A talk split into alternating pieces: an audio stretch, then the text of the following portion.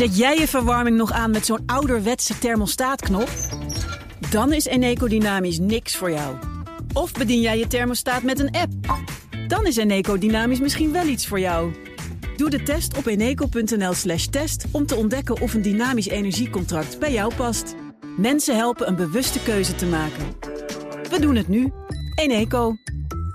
The ladies not for turning.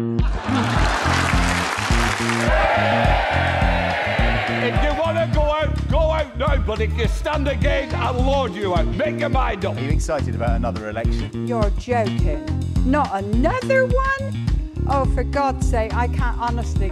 Je luistert naar Van Beckhovens Britten, een podcast over het belangrijkste nieuws uit het Verenigd Koninkrijk. Met in Londen Lia van Beckhoven. Ik ben Connor Klerks bij BNR Nieuwsradio in Amsterdam. Dag Lia. Goedemorgen, Connor. Ja, deze week een uh, onderwerp dat al wel een hele poos slijmert, maar nu een kookpunt lijkt te bereiken. De crisis bij Thames Water. Dat is een enorm nutsbedrijf, verzorgt het water voor een kwart van de inwoners van het VK. En doet dat, ik denk dat we dat objectief kunnen stellen, niet goed. Deze week alleen al in het nieuws dat het bedrijf miljoenen liters rioolvuil in twee rivieren heeft geloosd. Met duizenden vissen uh, die daardoor stierven als gevolg. Het bedrijf staat financieel aan de rand van de afgrond. Er zit een gat van 14 miljard in de begroting. En directeur Sarah Bentley die is opgestapt. Inundated. Pipelines bursting, sewers overrun, now debt threatening to sweep Britain's biggest water company away. Hello, I'm Sarah Bentley, Thames Water's CEO. Not anymore. The UK's water companies and regulators chose profits over the environment, causing devastating sewage pollution across Britain, a House of Lords committee has found. Ja, Lia, het is uh, een puinhoop. Waar zullen we eens beginnen? Ja, precies. Wat je zegt, uh, dit komt de Britten niet uh, van de ene op de andere dag aanvliegen. Nee. Dit heeft een hele lange geschiedenis. Eigenlijk zo lang als, de als eind jaren tachtig. Ah, ja. um, want toen zijn de, ehm, de waterbedrijven geprivatiseerd. En dat was eigenlijk voor heel veel mensen toen al een stap te ver, vreesden ze. Mm-hmm. Want je kunt wel, en je herinnert je vast nog wel, uh, Margaret Thatcher is daarmee begonnen. Hè. Ja. Zij was eigenlijk de eerste in, het, uh, in uh, de Europese Unie toen die allerlei bedrijven, ik geloof dat de vliegvelden het allereerste project waren die ze wilden privatiseren, de treinen volgden. En op het laatst was het het watersysteem, want dat was erg moeilijk te privatiseren. Ja. Um, maar, en dat betekende, omdat het zo moeilijk was te privatiseren, hè, want je kunt een, als nutsbedrijf kun je niet de kraan sluiten uh, en uh, mensen geen water meer geven als ze niet betalen. Ja. Uh, dus daarom moest je het heel makkelijk en aantrekkelijk maken voor investeerders. En daarom zitten de Britten dus sindsdien in de problemen met water. Ja. Want zoals je zegt, um, sinds de privatisering eind jaren 80 hebben die uh, waterbedrijven enorm veel winsten gemaakt. Ze hebben huizenhoge schulden. Um, uh, en ze hebben eigenlijk heel weinig gedaan, wat wel de bedoeling was, om oude leidingen te repareren. En je hebt het net over die twee rivieren. Dat is maar één voorbeeld. Ik bedoel, mm-hmm. um, per dag verliezen die oude Victoriaanse smalle uh, pijpen, afvoerpijpen, die het water gewoon niet aankunnen. Uh, per dag uh, verliezen die miljarden liters aan water. Die worden gewoon door gaten uh, uit dat systeem gelekt. Ja. Dat is evenveel, heeft iemand een keer uitgerekend, als duizend zwembaden per dag van Olympische afmetingen. Die dus Ja. door precies die gaten in het afvoersysteem de grond inlekken. Ja, dus het is eigenlijk een probleem wat begint helemaal terug in de jaren tachtig onder Thatcher. Groot voorstander natuurlijk van, van marktwerking. Ik zat laatst een interview te luisteren, Lia, met uh, uh, Rob Mm. Rinder, een, een, een televisiepresentator, maar ook, ook een jurist. Ja. En die, hadden het even over Ja. Thatcher. En, en hij zei: Het grootste probleem met Thatcherism is dat zij niet voor ogen had hoe ontzettend greedy mensen kunnen zijn. Dat ze eigenlijk veel verder gaan dan Mm. zij, had, uh, uh, zij had kunnen bedenken. En dat dat een, een, een grote oorzaak is van, van dit soort problemen. Dat vond ik al een interessante gedachte. Ja, maar, Ja, dat is wel een interessante gedachte, maar daar kun je wel wat aan doen. Uh, uh, het suggereert ook, neem me niet kwalijk, een zekere mate van naïviteit. Ik denk Ja. dat je moet uitgaan, in het geval van privatisering, van de meest inhalige gierigheid eh, die eh, de, mens, eh, de, de, ergste mens eigen is. En wat je dan doet, is dat je toezichthoudende organen eh, in het leven roept, die echt juridisch in staat zijn om, als het de spuigaten, mm, no pun intended, eh, eh, als de spuigaten uitloopt, eh, die bedrijven in het nekveld te grijpen en te zeggen: dit kan dus niet, begrijp je?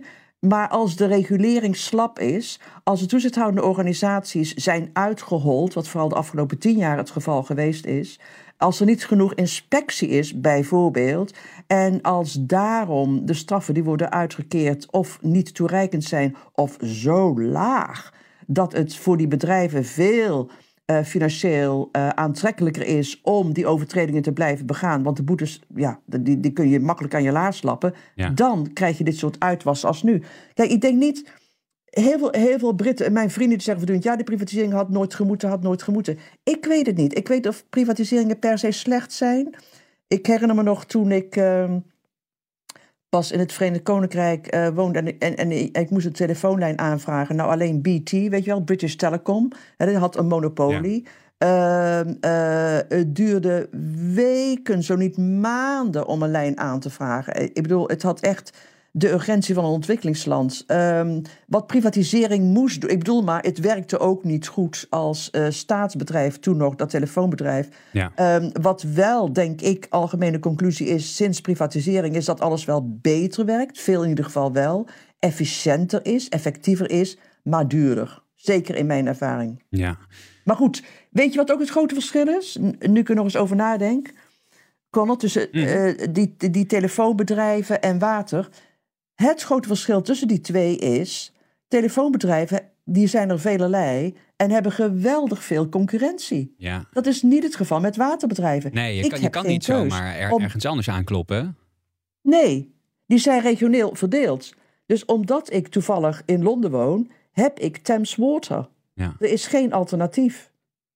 En omdat ik ook in Londen woon, heb ik de keuze uit 6, 7, 8, 9 ehm, eh, telefoonbedrijven. Ja, ja, precies. Broadband, eh, waar je bij aan kan sluiten. Ja, Begrijp je? Dus het privatiseren van waterbedrijven heeft gewoon tig monopolies, eh, kleine monopolies eh, gecreëerd. ja, het zijn een soort Ja, hertogdommetjes eigenlijk. Hè? Ja, ik bedoel, als je kijkt naar wat er gebeurd is de afgelopen 34 jaar. Ehm, met het, sinds het privatiseren van die waterbedrijven. Jaarlijks heb je enig idee hoeveel winst die aandeelhouders maken. Jaarlijks maken de aandeelhouders 2 miljard winst. Hmm. Dus ehm eh daartegenover moesten investeringen staan. Dat, die moesten ze doen. Die doen ze nauwelijks. Ja. Als er geïnvesteerd is, dan is er geïnvesteerd met geld van aandeelhouders. Niet met geld van aandeelhouders, maar met geleend geld. Begrijp Ja, je? Dus ja, daarom hebben ze zich in de schulden gestoken. Dus aandeelhouders, eh, die trokken enkel de winst. En de meeste van die bedrijven zijn nu ook in handen van buitenlandse eh, maatschappijen. Chinese investeerders, Canadese eh, pensioenfondsen, begrijp je? Mhm. Ja. Dus dat is één ding. Maar de Britten, die hebben er altijd mee kunnen leven. Waarom dat nu niet het geval is, ik, ik, moet, ik wil iedere keer eh, zeggen wat de laatste druppel is, maar je verwijst automatisch zo vaak naar Ja. ehm, eh, spreekwoorden met water erin. Maar oké, wat echt de laatste druppel geweest is, is de vervuiling. Toen eh, Britse waterbedrijven ook zijn gaan vervuilen, afgezien van het niet dichten van de lekken, toen werd dat echt een ding. Ik herinner me, eh, eerst waren het sportvissers, ehm, jaren geleden. ehm, eh, toen surfers. eh, in Cornwall herinner ik me, jaren geleden kwam je surfers tegen en die protesteerden, die demonstreerden tegen de vervuiling van het zeewater. En dat was volgens hen de schuld van de waterbedrijven. Nou ja, dat zal wel, dachten de Britten, weet je wel. Ja. Het was niet echt een, een, een ding. Maar toen de afgelopen jaren echt je niet meer in zee kon zwemmen vanwege de stront. Ja. Want het was ongezuiverd rioolwater wat gewoon gelekt werd door die bedrijven in zee. Want hé, hey, niemand hield hen tegen. Toen dat niet meer kon, ehm, eh, toen pas is deze hele zaak, eh, ja, hele zaak een grote politieke eh, zaak geworden. Ja, en als we nu even specifiek kijken naar Thames Water, hè, daar is de directeur dus nu opgestapt. Uh, ik geloof deels uh, uh, omdat ze de bonus niet, niet mochten mocht innen deze keer, of kort daarna in elk geval.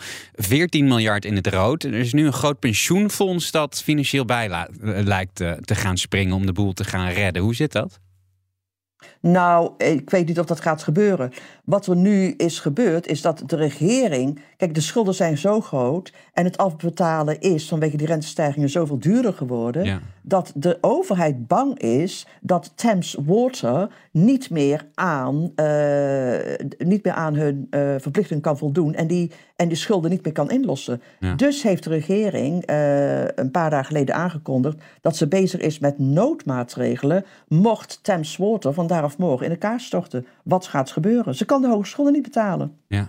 Uh, uh, en, en, dat, en dat is het grootste probleem. Maar, uh, zeggen de Britten, waarom nationaliseer je het dan niet meteen ehm, permanent? Want het nationaliseren, dat is natuurlijk de reactie Mhm. op wat hier gezien wordt als het mislukken van die hele privatiseringswoede uit de jaren tachtig. Ja. De reactie nu is de hele boel in staatshanden. Niet alleen waterbedrijven, maar ook treinen. Want dat wordt hier ook gezien als een mislukking. Mhm. Uh, daar moeten ook jaarlijks miljarden, bij, mil, vele miljoenen bij van de regering. Hè, sinds de jaren tachtig miljarden.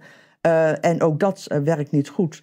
Um, maar de regering zegt wat Thames Water betreft, um, liever niet, liever niet. Er is geen enkele grote politieke partij die pleit voor het hernationaliseren van de waterindustrie. Ik denk wat de regering van Sunak gaat doen, waarschijnlijk is tijdelijk Thames Water, uh, zo je wil, nationaliseren. Uh, uh, maar niet, denk ik, permanent. Want ook al zou je bijvoorbeeld de aandeelhouders niet uitbetalen, dan nog zou het miljarden kosten om zo'n bedrijf draaiende te houden. Ja. Dus dat wordt een groot, dat wordt een groot probleem. Dus vandaar dat de regering als ze al een bedrijf, en ik denk dat ze geen alternatief heeft, overnemen, het maar voor uh, een bepaalde, zo'n kort mogelijke periode. Ja, ja, een beetje zoals wij met ABN AMRO hebben gedaan in de financiële crisis. Dat je zegt, uh, we, we, gaan een aantal jaar, ja. uh, we pompen er een heleboel geld in, een aantal jaar houden wij toezicht en we doen het op deze manier en daarna ja. weer langzaam los. Ja, precies, precies. Ik weet niet of dat wat de Britten betreft houdbaar is. Want nogmaals, het is eindelijk een politiek onderwerp geworden. En dat betekent dat um, uh, veel meer mensen nu geïnteresseerd zijn in het feit dat er bijvoorbeeld niet meer gezwommen kan worden in heel veel kusten. Mm -hmm. uh, dat geen één Britse rivier zuiver is, gezond is. 14% slechts is veilig, en volgens sommigen is dat nog veel minder. Ja. Um, uh, en een van de redenen is ook weer dat er een clausule is uh, opgenomen in de verkoop van het waterbedrijf. Dat stelt dat als die oude 19e eeuwse uh, Victoriaanse leidingen te veel regen niet aankunnen, dan kunnen ze het overtollig afval, uh, ongezuiverd, lozen in zee. Ja. En dat gebeurde honderdduizenden keren per jaar in het hele land. Dus in plaats van het rioolwater te zuiveren, was het goedkoop om het te lozen. Wat, wat gebeurde? En dat betekent dus dat ja, het gebeurde meer dan duizend maal per dag. Iedere dag. Jeetje. En dat verklaart waarom iedere Britse rivier uh, vervuild is. Maar dus zelfs al, al uh, ze hebben niet echt een oplossing, maar zelfs al hebben ze een oplossing voor Thames Water, dan zit je dus eigenlijk nog steeds met een veel groter probleem dat er geen rivier in, in het VK meer is die schoon is. Precies. Hoe begin je Precies. daaraan? Dus dat gaat mensen ook aan het hart. Kijk, ik, ik, uh, ik ken uh, uh, iemand en ja, die, die, die vist in, uh, in de buurt van een kalkstroom. En een Mhm. mm -hmm. kalkstroom, daarvan zijn er maar, die zijn echt zeldzaam. Daarvan, zijn er maar een paar honderd in de wereld. En die zijn heel fragiel ook, vooral nu met uh, die temperatuurverhoging en Mhm. mm -hmm. klimaatwijziging. maar de meeste, ik geloof iets van 80% van alle um, kalkstroompjes in de wereld, die zitten in Zuid-Engeland. Ja. Nou hebben de waterbedrijven beloofd, want die zijn ook geschrokken van de, uh, politieke, de politieke gedoe nu daarover, hè, de ophef die erover ontstaan is bij het Britse publiek. Die hebben nu beloofd dat ze uh, 10 miljard zullen uittrekken om uh, die riviertjes en dan met name die kalkstroompjes schoon te maken. Eh, ze hebben een excuus aangeboden en ze hebben gezegd dat doen wij de komende 30 jaar. Ja, hallo, 30 jaar is gewoon veel te lang. 30 jaar, als je, het zo, als je er zo lang over doet, dan heb je, dan bestaan die kalkstroompjes niet, niet meer. Snap je? Ja. En als we dan kijken naar, naar het politieke deel, er zijn, er zijn natuurlijk een heleboel kiesdistricten bijvoorbeeld die, die eh, aan, aan de kust eh, liggen, Ja. maar, maar ook op een andere manier gewoon rechtstreeks te maken krijgen met dit vervuilde water. Met het feit dat het niet opgelost wordt. Dat, dat gaat wel gevolgen hebben, denk ik. Precies, en dat is ook, eh, dat is ook nu gebeurd. Ehm, omdat zoveel eh, conservatieve kiesdistrict hebben die of aan rivieren grenzen of aan de kust. eh, en zoveel mensen daar nu eh, ja, van doordrongen zijn dat de reden waarom ze daar niet meer veilig kunnen zwemmen, of op vakantie kunnen, of kunnen vissen, of surfen, dat dat ligt aan die waterbedrijven. Niet helemaal trouwens hoor, het ligt er ook aan boeren. Eh, eh, heel veel landbouwers, vooral in de buurt van rivieren, die storten een hoop rotzooi in het water en maken het daarom ook eh, vuil en onzuiver en zelfs gevaarlijk. Maar goed, de grote boosdoener eh, is, zijn toch die waterbedrijven. Ja. En vanwege die protesten ook heeft de politiek nu iets moeten doen.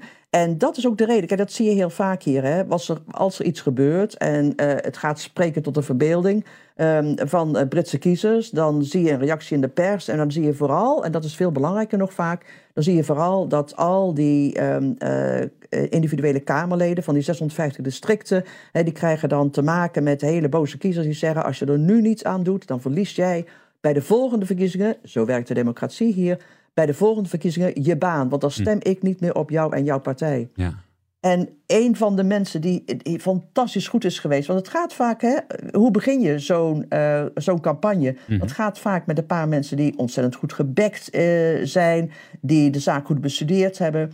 En de held ehm, van deze waterzuiveringscampagne hè, is echt een Fergal Starkey geworden, die heel veel mensen nog kennen van de Undertones. Ja. Maar ehm, eh, wist ik veel. Maar blijkbaar is die Starkey ook veel fanatieker over flyfishing dan over muziek. Ehm, eh, is een activist die, nu niet meer, die nu niet meer van het scherm of van de podcast eh, in Groot-Brittannië te slaan is. En die heel goed verwoord heeft wat heel veel Britten vinden. Namelijk, dit heeft te lang geduurd. We are now joined by Fergal in the studio. Good morning to you. Good morning. I mean, it's just disgusting, isn't it, It actually, what's is been happening? just horrific. Now, we had known that in terms of our rivers and the environment, every river in the country is polluted. One of the biggest sources of that pollution is the water industry. But I think as we're now getting a better understanding, thanks to you guys and this film, the impact it's now having on just normal people going about their lives, trying to run local businesses, the oyster farm, the fish and chip shop, people running local hotels, just trying to get on with their lives and the impact it's now having on local communities. And it is unbelievable. It is outrageous. I can't believe we're having to deal with this in this day and age, actually. 2023 this seems is extraordinary, An doesn't it? issue. Uh, well, here's the thing the law's been in place for 30 years. The simple truth of the matter is, as the House of Lords pointed out two weeks ago, this is clearly a result of underinvestment by the water companies. They've been allowed to do it by the regulators, and the whole oversight and regulation of this industry has clearly collapsed. Er moeten nu drastische maatregelen eh, genomen worden. En ja, nogmaals, de, de, de regeringen, de overheid heeft eh, jarenlang eh, schoorvoetend eh, niks gedaan en geaarzeld.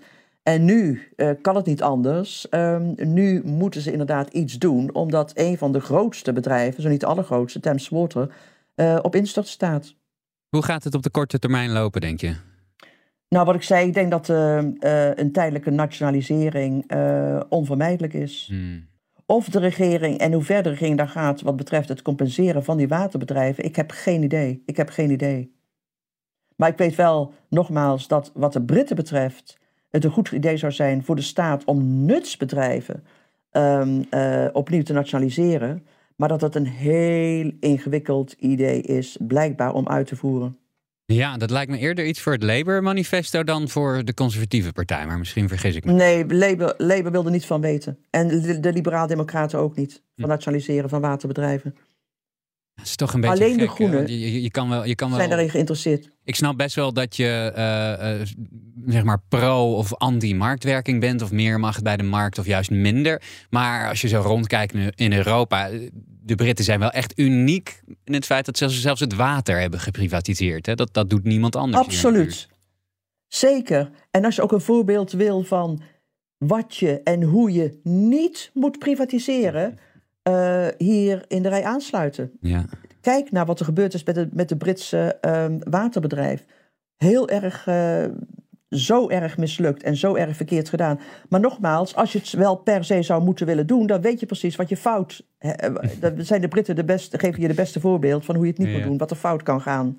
Dus het is misschien mogelijk, ik weet het niet, het is misschien mogelijk. Maar nogmaals, om die hele klok nu terug te draaien, is erg, erg ingewikkeld. Erg duur ook, denk ik.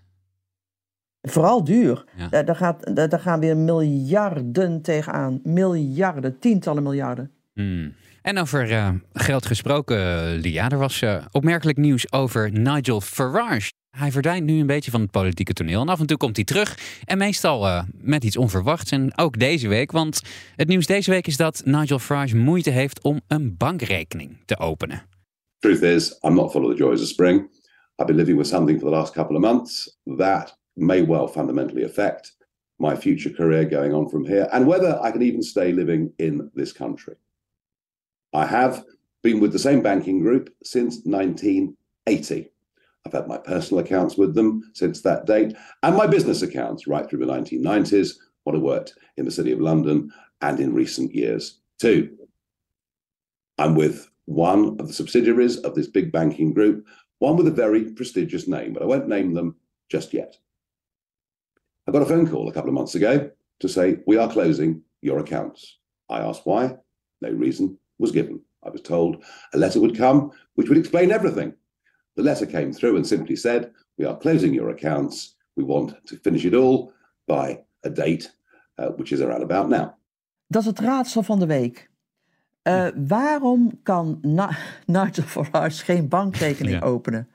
Hij zegt, het is natuurlijk politiek en hij is een slachtoffer eh, eh, van de banken die anti-Brexit zijn, die stiekem Oh ja. Remainers zijn. Het is allemaal weer te maken met Brexit, met politiek, de schuld van het establishment, vul maar in. Eh, hij was in ieder geval een, een, een, een slachtoffer. Ehm, zeker is dat hij eruit gegooid is bij de bank, zegt hij, waar hij ruim 40 jaar een rekening had. Ja. Koets geheten. Dat is de bank waar de koning zijn rekening heeft lopen. Eh, hij zegt dat hij niet weet waarom die eruit gegooid is. Alleen dat de bank gezegd heeft, eh, we sluiten de rekening. Hij heeft negen andere rekeningen geprobeerd, ehm, eh, negen andere banken geprobeerd om daar rekeningen te openen. Geen van allen wilden hem, zegt hij. En hij weet zeker, het is dus de schuld van het establishment waar hij absoluut niet toe behoort. Ehm, dus wat er gebeurde was dagenlange verhalen in de pers. Vandaag weer de hele voorpagina van de Daily Mail. Eh, de politiek bemoeide zich ermee. Eh, de staatssecretaris eh, van Financiën heeft banken gewaarschuwd om hun cliëntelen niet te politiseren. Er komt een onderzoek waarbij de banken regels en reglementen tegen het licht worden gehouden. Onder wat voor voorwaarden kun je wel dan geen bankrekening openen? Ik bedoel, ja, en hoe. Waar is Agatha Christie als je, als je er nodig heeft? Want heel erg, heel erg duidelijk werd het niet wat nou precies ehm, de reden is. Maar totdat, ik denk de bank tegen de BBC vertelde, Koets, hè, de oude bank, die, Ja, die super, ja. super chique eh, bank van het VK. Eh, de BBC vertelde dat het heel eenvoudig is. eh Farage's rekening is opgeheven omdat hij te weinig geld erop had staan. Kijk, Koets is een bank. Ja. Echt, je gelooft het niet. Koets is een bank eh, waar je ehm, of een miljoen in, ge- in geïnvesteerd of geleend van moet hebben, of waarvan je 3 miljoen ponden, Engelse ponden, op de spaarrekening hebt staan. Anders dan kun je het wel vergeten. Hmm. En dat schijnt Nigel Farage niet gedaan te hebben. Maar eh, dat wil niet zeggen dat hij helemaal ongelijk heeft eh, over zijn slachtofferschap. Ik bedoel, hij was wel degelijk, en ik kende dat helemaal niet. Weet jij wat een PEP is? Een PEP? Nee, nee, volgens mij niet. Uh, dat is een politically exposed person. Dat oh, is ja, het. Ja. Dus een, um, een politicus ja, van naam waar banken liever niet aankomen. Mhm. Mm -hmm. En waarom zijn die PEPs, hè, die uh, politici met name, um, niet welkom bij banken? Omdat zij vaak vanwege het feit dat ze in het, um, dat, dat ze invloedrijk zijn, Ja. een doelwit kunnen zijn voor corruptie en voor afpersing. Ah, ja. En zoals je kunt voorstellen, willen banken daar helemaal niets mee te maken hebben. En omdat eh, de banken niet de meest transparante uh, groepen zijn, uh, waar ook ter wereld, is het heel moeilijk om erachter te komen of Farage inderdaad geregistreerd stond als een PEP. Um, zeker is dat sindsdien een aantal mensen gezegd heeft, uh, conservatieve politici, maar ik las ook een verhaal van een columnist in de Times. En die zei: Kijk, mijn vader was ooit conservatief minister in een regering. En, sindsdien, en, en ik heb moeite met het openen uh, van bankrekeningen uh, gehad. Dus het speelt elders in de samenleving hier ook. Hmm. Dat mensen bankrekeningen geweigerd worden. Terwijl helemaal niet duidelijk is waarom. Maar het best zou kunnen omdat ze te traceren zijn als een PEP-individu. Dus Mhm. iemand met political exposure. Ja, ik ben nou wel benieuwd of... Eh, ja, Nigel Farage zelf die zegt natuurlijk... Ja, ik weet, en dit is niet de eerste keer dat hij, ze- dat hij het zegt... maar hij zegt weer dat het eh, hem heel lastig gemaakt wordt... om in eh, Groot-Brittannië te blijven. Ben benieuwd of hij denkt dat hij makkelijker in Frankrijk of Duitsland... een bankrekening opent. Na, na alles wat hij eh, gezegd heeft over Denk je, dat je het zou, denk je dat hij het zou proberen? Want een andere. eh, eh, ja, daar is natuurlijk vreselijk veel over gespeculeerd. Want het is zo'n raar verhaal. Ja. Ehm, eh, ook vanwege, om, om- omdat niemand wist wat een PEP nou was. Of dat überhaupt bestond. Ja. Maar er zijn, ook, kijk, er zijn ook mensen die zeggen het heeft te maken met Rusland. Want Nigel Farage heeft nogal regelmatig opgetreden bij RT, Russian Today. Mhm. Een televisieprogramma dat eh, eh, uitstond eh, via Britse kanalen. Nu kan het niet meer natuurlijk, nu zendt het niet meer uit. Mhm. Maar destijds, voordat de Russen Oekraïne binnenvielen, was Nigel Farage een graag geziene gast. En volgens één Britse politicus zou hij daar tonnen verdiend hebben. Ja. Dat zou een reden kunnen zijn geweest waarom ehm eh, Koets dus van hem af wilde. Misschien, misschien de linken met Rusland. Ja. Maar ik hou het erop, op dat verhaal in de BBC via die bank, via Koets, dat Nigel gewoon te weinig op zijn spaarrekening had staan. Dankjewel, Lia. Ik spreek je volgende week. Graag gedaan. Tot dan.